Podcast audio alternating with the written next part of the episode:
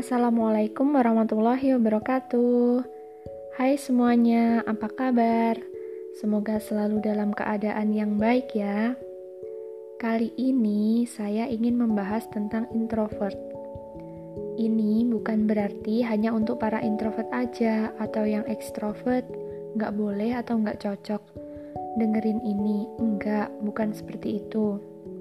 Jadi, siapa pun di sini bisa kok dengerin ini bagi introvert, mungkin ada kemiripan pada diri kalian dan bisa untuk lebih mengenali diri sendiri.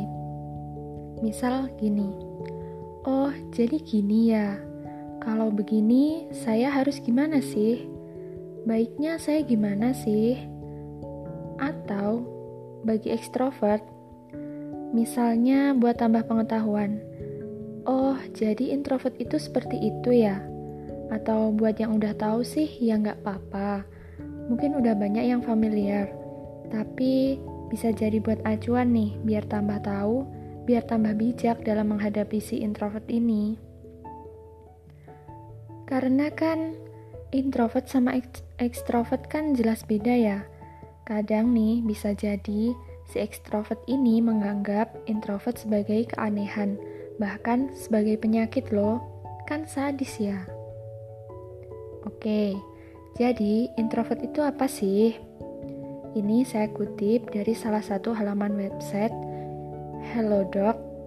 Menurut ahli Amerika Psychological Association, uh, ini merupakan sebuah organisasi yang berprofesi yang mempresentasikan psikologi di Amerika Serikat dan dibentuk pada Juli 1892. Introvert adalah sifat cenderung menarik diri, pendiam, tenang, suka menyendiri, dan tidak tergesa-gesa atau lebih ke hati-hati. Dan introvert ini juga senang bekerja secara mandiri atau kadang bisa dibilang sebagai individualis. Jadi, bagi kalian yang mungkin belum tahu diri kalian itu introvert atau ekstrovert, dan kalian mempunyai banyak kemiripan dari ciri yang saya sebutkan tadi, itu kemungkinan kalian termasuk ke dalam introvert. Jadi, saya dulu sering dibilangin gini sama temen, ih introvert ya, individualis ya, pemalu banget sih kamu, dan kalimat lain yang serupa kurang paham juga apakah orang yang berkata itu atau teman-teman saya itu ekstrovert semua atau bagaimana. Yang jelas, mereka menilai saya itu sebagai pendiam, pemalu, suka menyendiri, apalagi ya, pokoknya itulah. Memang iya sih, dari kecil atau sekitar waktu SD lah. Dalam pemikiran atau pola pikir saya itu, nggak mau yang ribet, nggak mau yang ruwet, apa ya maunya yang sederhana simpel-simpel aja gitu. Dan lebih baik diam deh daripada banyak ngomong tapi nggak jelas. Nah itu pemikiran yang tertanam sejak kecil hingga SMP atau bahkan SMA Bahkan,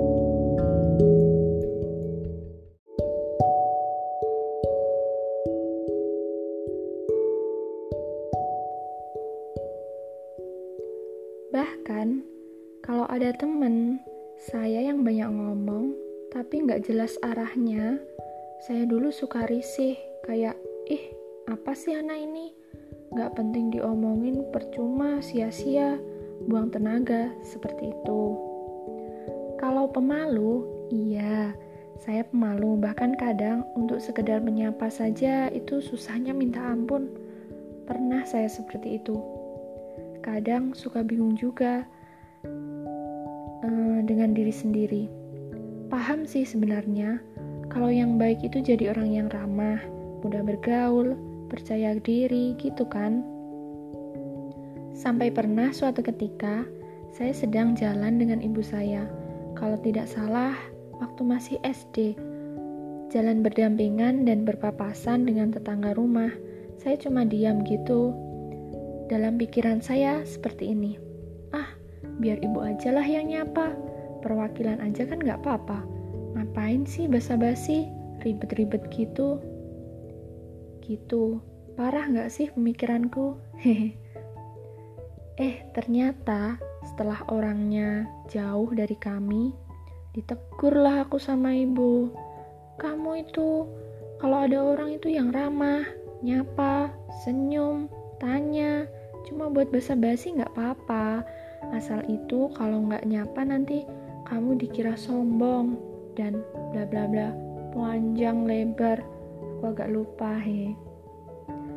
Aku nggak bilang apa-apa sih cuma jawab iya iya iya. Nggak mau bantah sama orang tua. Tapi dalam pemikiranku ya itu tadi. Tapi nggak berani bilang ke ibu dengan alasan kayak tadi. Sama ini nanti kalau saya bilang ke ibu pasti akan tambah panjang masalahnya jadi saya diam aja. Tapi ditegur gitu aja itu nyeri rasanya di hati. Sakit gitu kan. Bukan sombong atau apa tapi nggak mau ribet aja gitu. Tapi di saat itu juga nggak mau memperpanjang masalah. Jadi nggak mau juga gitu beralih dari pemikiran yang tadi yang males ribet gitu dan pemikiran itu akhirnya terus melekat hingga SMP kalau nggak salah Waktu SMP itu lebih ke pendidikan imbasnya. Jadi, waktu SMP kalau ada penjelasan dari guru, aku sudah cukup paham. Ya udah, iya iya gitu aja. Kan jadi pemikiran saya, tapi itu kalau menurut saya itu jadi membuat saya seperti dalam kotak. Seperti dalam kotak kardus gitu kan atau seperti dalam sebuah kubus. Kalau cukup diisi ya udah cukup segitu aja, nggak pengen cari tahu yang lain. Atau seperti ya udahlah, nggak usah ribet ini aja cukup kok, seperti itu. Dan itu ternyata lumayan berdampak. Saya semakin dianggap sebagai anak yang pendiam, dan nilai partisipasi saya hanya pas-pasan karena jarang, jarang sekali bertanya saat di kelas maupun di kegiatan pembelajaran yang lain. Tapi, saya seperti itu karena saya suka membaca dan memang yang dijelaskan atau yang dibicarakan oleh guru di depan kelas, saya telah mengetahui atau kurang lebih memahami sebelum itu dijelaskan. Jadi, saya kerap kali merasa cukup dengan pengetahuan saya tanpa harus banyak bertanya. Nah, Buruknya, kan kalau seperti itu jatuhnya saya jadi seperti merasa mampu, jadi tinggi hati dan menganggap itu hal sepele dan gak penting. Setelah itu, saya membaca-baca tentang ekstrovert dan introvert. Dan sepertinya saya tahu kalau saya ini introvert, tapi ya udah, gitu sekedar tahu aja.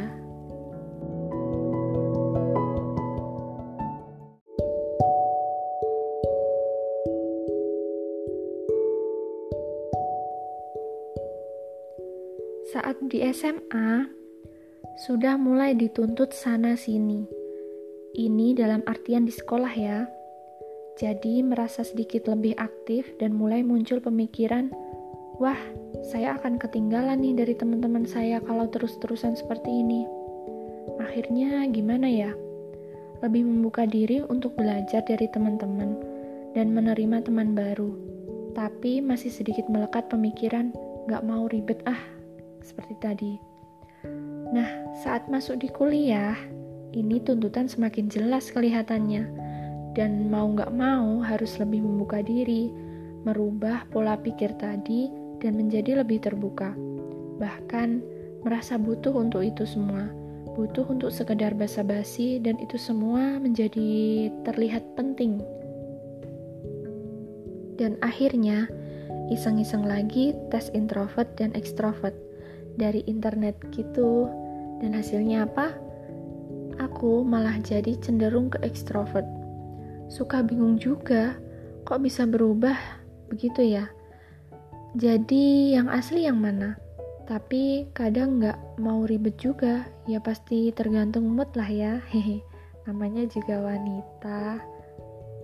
Nah, berdasarkan pengalaman pribadi tadi, sepertinya ada kemungkinan bahwa kondisi lingkungan, keadaan seseorang itu uh, dan tuntutan itu dapat mempengaruhi pola pikir dan bahkan bisa mempengaruhi sifat dari seseorang itu sendiri.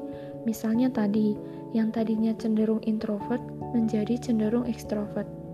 Atau mungkin juga seseorang itu bisa menjadi cenderung ekstrovert dan terkadang cenderung menjadi introvert. Sejauh ini saya belum menemukan penelitiannya sih. Nanti kalau sempat nyari, saya bahas lagi deh. Tapi buat kalian yang merasa sifatnya introvert, gak usah takut, insecure, apalagi sampai menyalahkan diri sendiri. Kan bahaya, ya kan? Ingat, bahwa setiap orang itu mempunyai keunikan, dan Tuhan menciptakan itu semua bukan tanpa alasan. Pasti banyak hikmah dari itu semua. Contohnya nih, seorang introvert itu dapat menjadi pertama, pemimpin yang bijak. Ini ada penelitiannya, yaitu dari penelitian di Wharton School of the University of Pennsylvania di Amerika Serikat bahwa para pemimpin yang introvert akan lebih menghasilkan kinerja yang lebih baik, yaitu ketika ia mengolah karyawan yang proaktif dan cenderung memberikan keleluasaan pada karyawannya untuk menuangkan ide-idenya. Kedua, menjadi pendengar yang baik. Menurut Dr. Laurie Halji, penulis Introvert Power, Why You Inner Life is Your Hidden Strength, bahwa introvert itu memproses informasi secara internal, sehingga kemungkinan seorang introvert untuk mendengar, memahami, dan memberikan wawasan dengan saksama. Dan yang ketiga, mereka lebih jeli. Introvert ini mempunyai keterampilan yang cakap dalam melakukan observasi. Dan yang terakhir adalah seorang teman yang berkualitas. Jadi, introvert ini bisa dibilang selektif dalam berteman. Ini akan merasa, hmm, dia akan merasa energinya terkuras jika berada di sekeliling banyak orang, sehingga mereka akan memilih teman dengan cara yang bijaksana. Ingat ya, dengan bijaksana, bukan asal milih teman aja introvert akan lebih selektif terhadap siapa aja yang mereka akan bawa ke dalam hidupnya. Sehingga jika kamu dapat berteman dengan mereka, so pasti kamu amat berharga bagi mereka. Introvert itu unik loh, dan gak ada yang salah dengan introvert. Hanya saja sifat introvert yang terkadang nyaman dan suka bekerja secara mandiri ini akan menimbulkan beberapa masalah.